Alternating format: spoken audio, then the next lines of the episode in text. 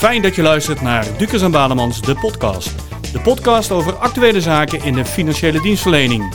Mijn naam is Hans Dekker, trainer en ontwikkelaar bij Dukers en Bademans. En ik ga in deze aflevering in gesprek met mijn collega Patrick van Erp over een aantal aangekondigde maatregelen op Prinsjesdag. Ja, Patrick, we hebben uh, deze week samen uh, de Prinsjesdag Special gemaakt met nog een aantal collega's. In deze podcast halen we een aantal uh, relevante onderwerpen, met name voor hypotheekadviseurs en financieel planners, naar voren. waaronder de fiscale regeling voor aandelenoptierechten, de startersvrijstelling in de overdrachtsbelasting en wat mij betreft het belangrijkste punt, de aankoop van de eigen woning door fiscaal partners. Maar laat ik om te beginnen, Patrick, jou eerst een vraag stellen. Wat was het uh, volgens jou eigenlijk voor een Prinsjesdag dit jaar? Nou, eigenlijk een dag uh, die behoorlijk sober was qua maatregelen. Dat hadden we eigenlijk van tevoren al uh, voorspeld. de kabinetformatie laat heel lang op zich wachten. En dat merk je terug dat er ook geen beslissingen genomen worden. En dus ook geen veranderingen aangekondigd worden. En de veranderingen die aangekondigd worden zijn vaak aanpassingen van bestaande wet en regelgeving. Ja, en dan uh, een van de uh, belangrijke uh, voorbeelden daarvan is de fiscale regeling rondom aandelenoptierechten. Um, zou je daar iets meer over kunnen zeggen? ja, dat wil ik wel. eerst uitleggen, wat zijn nu eigenlijk aandelenoptierechten? Veel bedrijven hebben moeite met het aantrekken van gekwalificeerde medewerkers. En dit speelt met name vooral in de sector van de start-up en de scale-ups. Gevestigde bedrijven zijn vaak in staat om nieuwe medewerkers een hoger salaris te betalen dan die startende ondernemingen. Een beloningsmiddel dat voor de startende ondernemer een oplossing kan bieden, is naast het belonen met salaris, die nieuwe medewerker ook te belonen met aandelenoptierechten. Dit zijn rechten waarmee een werknemer op enig moment een vooraf afgesproken aantal aandelen in het bedrijf krijgt of overneemt tegen een vooraf afgesproken prijs. Op dit moment is in de fiscaliteit zo geregeld dat als de werknemer gebruik maakt van zijn optierecht, de waarde van de aandelen die hij krijgt direct belast wordt als inkomen in box 1. Met natuurlijk een eventuele kostprijs eh, daarvan afgetrokken. Deze afrekening kan die werknemer in de problemen brengen. Het gaat namelijk vaak over aandelen die niet direct verhandelbaar zijn of verhandelbaar mogen worden vanwege contractuele verplichtingen. Dus die werknemer krijgt aandelen die hij niet kan verhandelen terwijl hij wel belasting moet betalen. Dit kan bij die werknemer zorgen voor liquiditeitsproblemen. Het kabinet stelt daarom uh, met de maatregel op Prinsjesdag voor om de belastingbetaling in box 1 aan te passen. Als deze aanpassing aangenomen wordt, zal de werknemer een keuze krijgen. De werknemer kan net als in de huidige situatie ervoor kiezen om meteen bij omruil af te rekenen in box 1. De aandelen gaan op dat moment over naar box 3. De werknemer kan er ook voor kiezen om de belasting in box 1 pas te betalen op het moment dat de aandelen verhandelbaar worden en hij dus kan verkopen om de belasting te betalen. De werknemer die moet deze keuze kenbaar maken op het moment dat hij kiest om zijn aandelen optierecht om te ruilen in aandelen. Doet hij het niet, dan zal standaard afgerekend worden op het moment dat de aandelen verhandelbaar worden. Voor medewerkers met die aandelen optierechten is het dus belangrijk om vooraf te bepalen wanneer ze de loonbelasting willen betalen. Want pas na betaling van die loonbelasting verhuizen de aandelen naar box 3. Dus als ik het goed begrijp, um, de, de belastingheffing vindt plaats bij de, in principe de werkgever. Die moet loonbelasting inhouden en afdragen. Ja, dat dus klopt. Het is, het is niet op aangifte, hè? Dus het is niet zo dat je een jaar nee, later... Nee, nee oké, ja. De inhoudersplictige, de werkgever, die moet inderdaad afdragen. Ja. En dat afdraagmoment, dat wordt verplaatst naar het moment dat de aandelen verhandelbaar worden. Ja. Dus default is het eigenlijk op het moment van verhandelbaarheid. Ja. Als je het anders wilt, dan moet je het aangeven en dan wordt er al ingehouden en afgedragen op het moment dat de aandelen optierechten ja. worden uitgeoefend. Ja, en dat laatste kan best interessant zijn voor werknemers die wel die belasting kunnen betalen. Want zolang je die belasting niet betaalt, gaat ook de waardevermeerdering van die aandelen, dat gebeurt in box 1, dus dat wordt in die loonheffing meegenomen. Tussentijdse dividenduitkeringen, die worden daar ook in meegenomen. Dus als je verwacht die aandelen gaan de komende jaren echt spectaculair stijgen, dan kun je eigenlijk beter afrekenen. Als je, de, ja, als je ja. de mogelijkheden hebt wel. En waarom zou je, als je twijfelt aan de toekomst van een bedrijf, waarom zou je dan die optierechten omruilen in aandelen? Ja. ja, dan kun je beter die aandelenoptierechten houden. Bijvoorbeeld. Ja. ja. Nee, dat is duidelijk. Um, is, is daar nog iets meer over te vertellen? Of zeg je van nou, dit, dit is wel voor het moment uh, wat we daarover moeten zeggen? Nou, ik denk dat het uh, voor onze adviseurs, zowel van de werkgeverskant als de werknemerskant, voor je klant heel belangrijk is om hier tijdig over in gesprek te gaan. Ja, Dus uh, ben je financieel planner, weet je dat je in je klantenportefeuille klanten hebt of werkgevers hebt met dit soort aandelenoptierechten. Ja, weet dan dat die, uh, uh, dat, dat die heffing in ieder geval gaat veranderen, dat je een keuze krijgt. Ja. En heb jij start-ups in je portefeuille zitten, maak ze hierop attent. Ja. Want het, het, het versoepelt wel de regeling en hopelijk kunnen ze werknemers makkelijker krijgen en ook langer aan zich binden.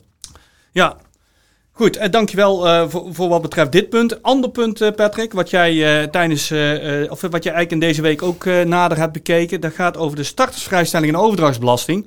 Wat mij dan weer verbaast, want die is vorig jaar ingegaan. En dan zie je dat daar toch in één keer weer allerlei aanvullingen en, en, en, en, nieuwe regelgeving op komt. Daar is namelijk als ik het goed heb, in de anti-misbruikbepaling die rond die 4 ton speelde, het een en ander gewijzigd. Ja, dat klopt. Uh, zoals je zelf al zegt, die voorgestelde wijziging uh, betreft een aanvulling om het misbruik van die startersvrijstelling te voorkomen. De startersvrijstelling is vorig jaar uh, Prinsjesdag aangekondigd, Prinsjesdag 2020. En de startersvrijstelling is ingegaan op 1 januari 2021.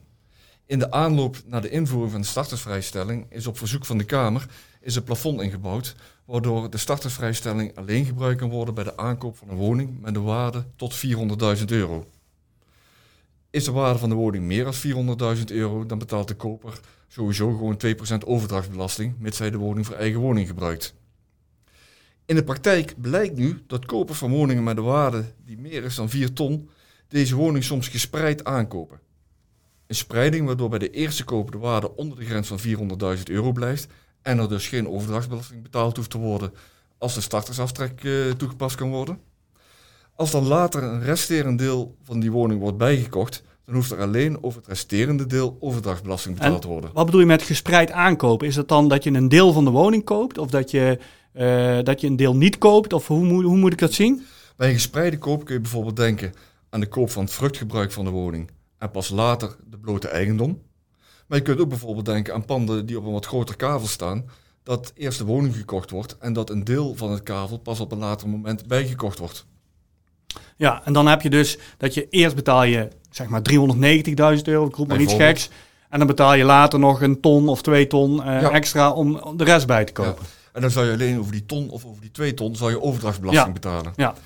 De regeling is nu zodanig aangepast dat als die opvolgende koop plaatsvindt binnen 12 maanden na de eerste koop, het door de overheid gezien wordt als één totale aankoop en één totaal bedrag.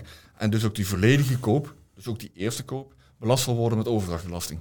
Ja, dus eigenlijk eh, probeert men op deze manier het misbruik of het, zeg maar het, het, het, het, het, het oneigenlijk gebruik van die, uh, van die maatregel uh, tegen te gaan. Ja. ja. Belangrijk is wel, als deze maatregel aangenomen wordt, dan wordt die aangenomen met terugwerkende kracht tot vanaf 1 april 2021. Ja, want 1 april 2021, toen, dat is de datum van die 4 ton. Hè? Ja. Want uh, we weten allemaal, 1 januari 2020 is die, uh, die startvrijstelling ingegaan. En op 1 april is uiteindelijk die extra maatregel van die 4 ton ingevoerd. Ja. Voor duidelijkheid, 1 januari 2021 is de maatregel ingegaan. Excuus, ik, ik zeg 2020 en ik leef iets te veel in het verleden. Um, maar die startersvrijstelling, dat is niet de enige wijziging, of de misbruikbepaling is niet de enige wijziging waar met name hypotheekadviseurs alert op moeten zijn. Uh, rondom die eigen woning zijn nog meer maatregelen aangekondigd. En daar kun jij ons veel meer over vertellen. Ja, ja inderdaad. Uh, wat we zien is dat uh, er een, ja, ik denk best wel een complexe en ook een behoorlijk ingrijpende maatregel is aangekondigd op het gebied van het aankopen van de eigen woning door fiscaal partners. Um, we hebben natuurlijk een wat dat betreft al een klein verleden. Hè. In 2017 was er een uh, brief van de staatssecretaris waarin uh, vragen werden beantwoord over uh, de eigen woningregeling in relatie tot het nieuw huwelijksgoederenrecht, de beperkte gemeenschap van goederen. Um, daar kwamen een aantal conclusies uit die met name door, door de praktijk ook met verbazing werden bekeken. Want daar hadden we zo in eerste instantie nog niet tegen aangekeken, tenminste veel mensen niet. Um, uiteindelijk is, uh, is in een besluit in 2018, januari 2018, um, ehm, zeg maar de ongewenste of, of, of, ja, de ongewenste beperking van de renteaftrek uh, in bepaalde situaties, die is uh, hersteld door middel van dat besluit. Hè. En er was een verdeling van het eigen woningverleden, want uiteindelijk is dat de kern. Hè. Het draait allemaal om het eigen woningverleden, waarbij de ene partner wel een eigen woningverleden heeft en de andere partner niet. En dat eigenwoningverleden, dat kan zijn een eigenwoningreserve of een, eh, een aflossingsstand of een bestaande eigenwoningsschuld, schuld onder het overgangsrecht. Ehm, en, dat ging, ging met name mis in, eh, in die situaties. En dat eigenwoningverleden mocht dan eh, volgens het besluit, of mag dan volgens het besluit, verdeeld worden tussen twee partners. Nou, ehm, de staatssecretaris heeft gezegd van, nou, dat wil ik heel graag codificeren, zoals het heet. Dat, dat besluit ga ik in wetgeving omzetten. Maar daarbij ga ik wel een aantal wijzigingen eh, aanbrengen om het, eh, om het regime, het eigenwoningregime, iets eh, eerlijker te maken ehm, en ook minder complex. Nou, of die daar dan in, geslaagd is, dat zullen we zo wel even nog over hebben. Maar of het eerlijker is, ja, dat laat ik ook aan ieders eigen beoordeling over. Nou, wat heeft hij gezegd? Nou, hij zegt van, nou, we hebben eigenlijk een aantal elementen waar we naar moeten kijken. We moeten naar de eigen woningreserve kijken. De bestaande eigen woningsschuld moeten we naar kijken. En naar de aflossingsstand.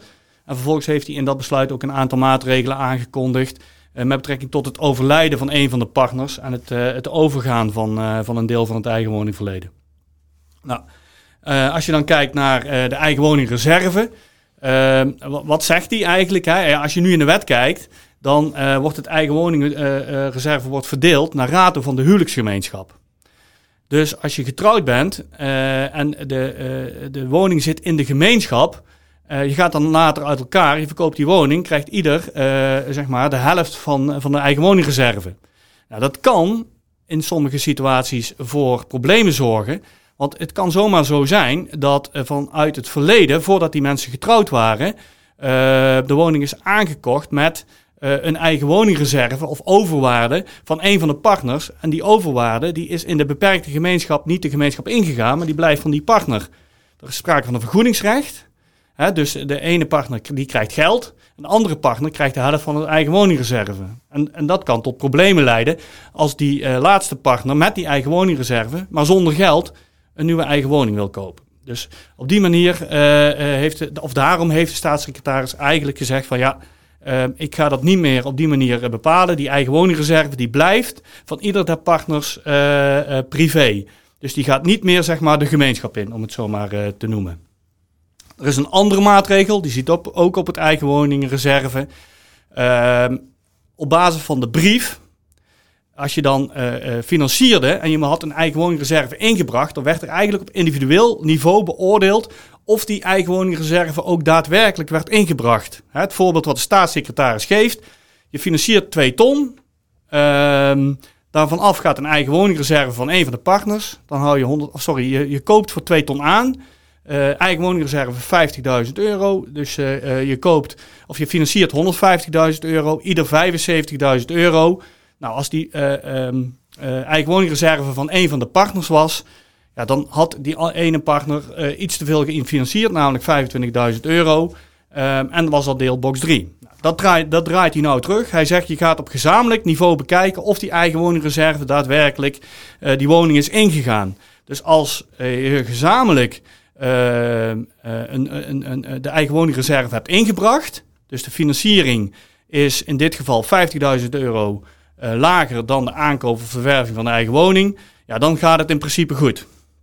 Dus daarmee probeert hij eigenlijk uh, die ongewenste gevolgen uit de brief uh, te herstellen. En dat doet hij dan niet door het verdelen van de eigen woningreserve tussen twee partners, maar door op gezamenlijk niveau te bekijken of die eigen woningreserve daadwerkelijk is ingebracht. Gaan die mensen later uit elkaar, ja, dan is de eigen woningreserve die één partner heeft ingebracht, ja, die krijgt hij weer keurig terug. Dus die houdt, die houdt hij dan eigenlijk voor de rest van zijn leven, zou ik haast willen zeggen. Maar dat is natuurlijk ook niet helemaal waar.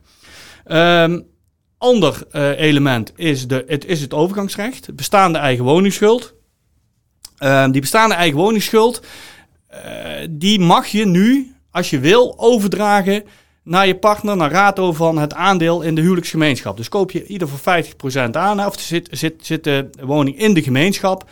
Nou, dan uh, mag je de bestaande eigen woningsschuld overdragen voor 50% aan je partner. En kun je ieder voor, voor een deel, dus die eigen woning, die, dat overgangsrecht benutten. en dat is een kantbepaling, dus daar kun je voor kiezen. Je kunt het ook niet doen, dus dat de bestaande eigen woningsschuld bij een van die partners blijft, namelijk die hem daadwerkelijk ook heeft. En dat zou bijvoorbeeld, de staatssecretaris noemt dan het voorbeeld, stel dat je tegen het einde van je 30-jaarstermijn aan zit, ja, dan zou je daarvoor kunnen kiezen. Dus dat is een keuze. Hè? En dat is op zichzelf vreemd. Hè? Dat je dus uh, delen van het eigen woningverleden uh, anders zou kunnen benaderen dan een ander deel van het eigen woningverleden. Dus de eigen woningreserve die gaat eigenlijk op gezamenlijk niveau bekeken worden. Maar die bestaande eigen woningsschuld, ja, daar, daar kun je dus van afwijken. Door, die hoef je dan dus niet toe te bedelen aan de ander. het derde element is de aflossingsstand die aflossingsstand die werd bij uh, uit elkaar gaan ook naar rato van uh, de huwelijksgemeenschap verdeeld. Nou, die bepaling wordt ook geschrapt. Dus ieder houdt ook zijn eigen aflossingsstand. Dus het is niet zo dat als ik uit elkaar ga, dat ik in één keer de helft van de aflossingsstand van mijn partner meekrijg. Uh, en als ik dan een nieuwe eigen woning koop, dat ik in één keer geconfronteerd word met een kortere looptijd van de financiering. Die blijft gewoon bij, mijn, bij de partner waar die oorspronkelijk thuis hoort. Um, en ook de toepassing van die aflossingsstand bij een nieuwe financiering, die wordt op gezamenlijk niveau bekeken. Dus ook niet meer individueel. Dus als je gezamenlijk de financiering bekijkt, dan moet de uh, aflossingsstand van de partner ingebracht zijn.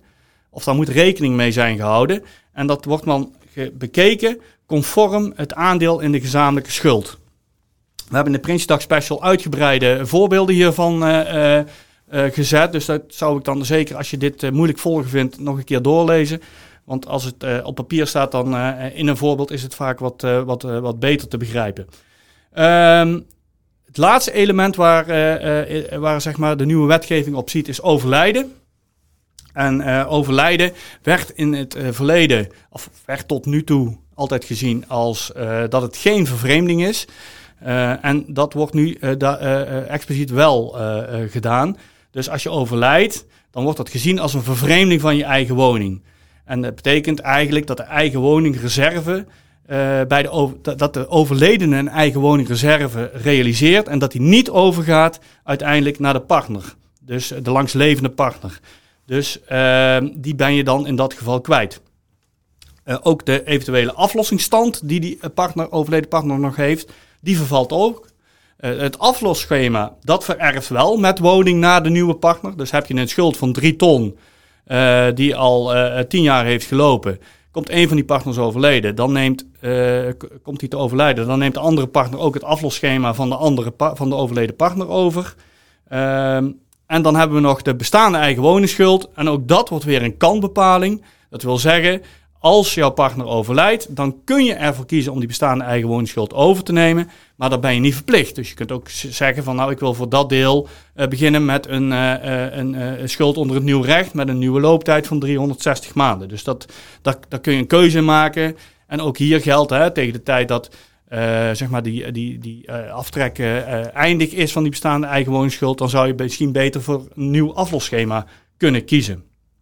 Dus dat is een beetje de, de aard van de wijzigingen die nu voorliggen die wijzigingen, daarmee heeft het kabinet voor ogen om het eerlijker te maken. Zo klinkt het ook wel, maar wordt het voor de adviseur eenvoudiger hierdoor? Ja, dat is een, ja, ik vind dat een lastige vraag in die zin dat uh, uh, als je het leest, dan denk je, nou, het, het, klinkt wel logisch. En misschien zijn de, eh, als je puur kijkt naar de maatregelen op zichzelf, niet al te moeilijk om te volgen. Uh, alleen, je moet je wel weer realiseren dat er een regime bij komt. Dus wat hebben we? We hebben mensen die voor 2013 samen een woning hebben gekocht. Mhm. We hebben dadelijk mensen die hebben tussen 2013 en 2021 een woning gekocht. En we hebben mensen die na 1 januari 2022 een woning hebben gekocht samen. En ja, dat zijn eigenlijk drie nieuwe regimes. En die we allemaal weer fiscaal op een andere manier moeten benaderen. Dus ik denk niet dat het per se uh, eenvoudiger wordt. Um, als je de maatregelen, maatregelen leest, ja, dan is het nog steeds best wel een lastig uh, te lezen uh, maatregel. Maar stel, ik heb uh, twee jaar geleden een woning gekocht, eh, verschillend eigen woningverleden, en we hebben gekozen voor het goedkeurend besluit. Kan ik dat op basis van de nieuwe regelgeving volgend jaar terugdraaien? Ja, ik denk ik weet het niet. Want er, zijn, er zitten in die wetgeving nog best wel open eindjes. Waaronder dit. Uh, wat doen we met oude draagplicht over, of oude, met draagplichtovereenkomsten? Is die nog nuttig? Is die nog noodzakelijk? Ik denk het wel in sommige gevallen. Ehm, wat doen we met mensen die bijvoorbeeld een, de hoge schenkingsvrijstelling hebben benut? In een algehele gemeenschap zitten van goederen. ehm, eh, waarbij in een algehele gemeenschap nog steeds wel de eigen woningreserve wordt eh, verdeeld als mensen uit elkaar gaan. Dus dat zijn nog dingen die we nog niet helemaal zeker weten. Dus ook in deze voorstellen zitten nog wel open eindjes waar we niet alle antwoorden op hebben.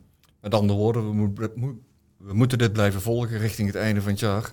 Wat er nu daadwerkelijk definitief ingevoerd gaat worden. Ja, en dan hoop ik dat er toch nog wel wat dingen verduidelijkt worden en misschien eventueel aangevuld, zodat we daar eh, nog antwoord op krijgen. Ja. Dat klopt. Maar ik denk, als we het echt eenvoudiger willen maken, het hele, het hele eigen woningregime, ja, dan moet die woning gewoon naar box 3. Want dan, Ja. dan is het eenvoudig. Dan heb je die renteaftrek niet meer. En dan komen heel veel zaken die we nu, eh, die we nu elke dag, eh, te- waar we elke dag tegenaan lopen, ja, die komen dan te vervallen. Dus ja, misschien dat een volgend kabinet, als dat er eh, ooit zou mogen komen, Ja, daar een begin mee gaat maken. Maar ja, dan moeten we ook maar afwachten natuurlijk. inderdaad. Dit waren de drie onderwerpen, Hans, die we op het programma hadden staan. Ja, ik denk dat we eh, ons best gedaan hebben om ze eh, zo duidelijk mogelijk uit te leggen. Ik snap dat daar eh, misschien, als je ernaar luistert, wel extra ehm, context bij nodig is. Maar lees dan onze Prinsjesdag special, zou ik willen zeggen. Ja, voor deze artikelen, maar ook voor andere artikelen. Prinsjesdag Special staat online. Er zit ook boordevol met tips die je in je dagelijkse adviespraktijk meteen toe kunt passen. En die geeft inderdaad ook met cijfervoorbeelden nog meer duidelijkheid. Goed, dan wil ik jou heel erg bedanken, Patrick. Jij ook. En ook onze luisteraars, heel erg bedankt en eh, tot de volgende keer.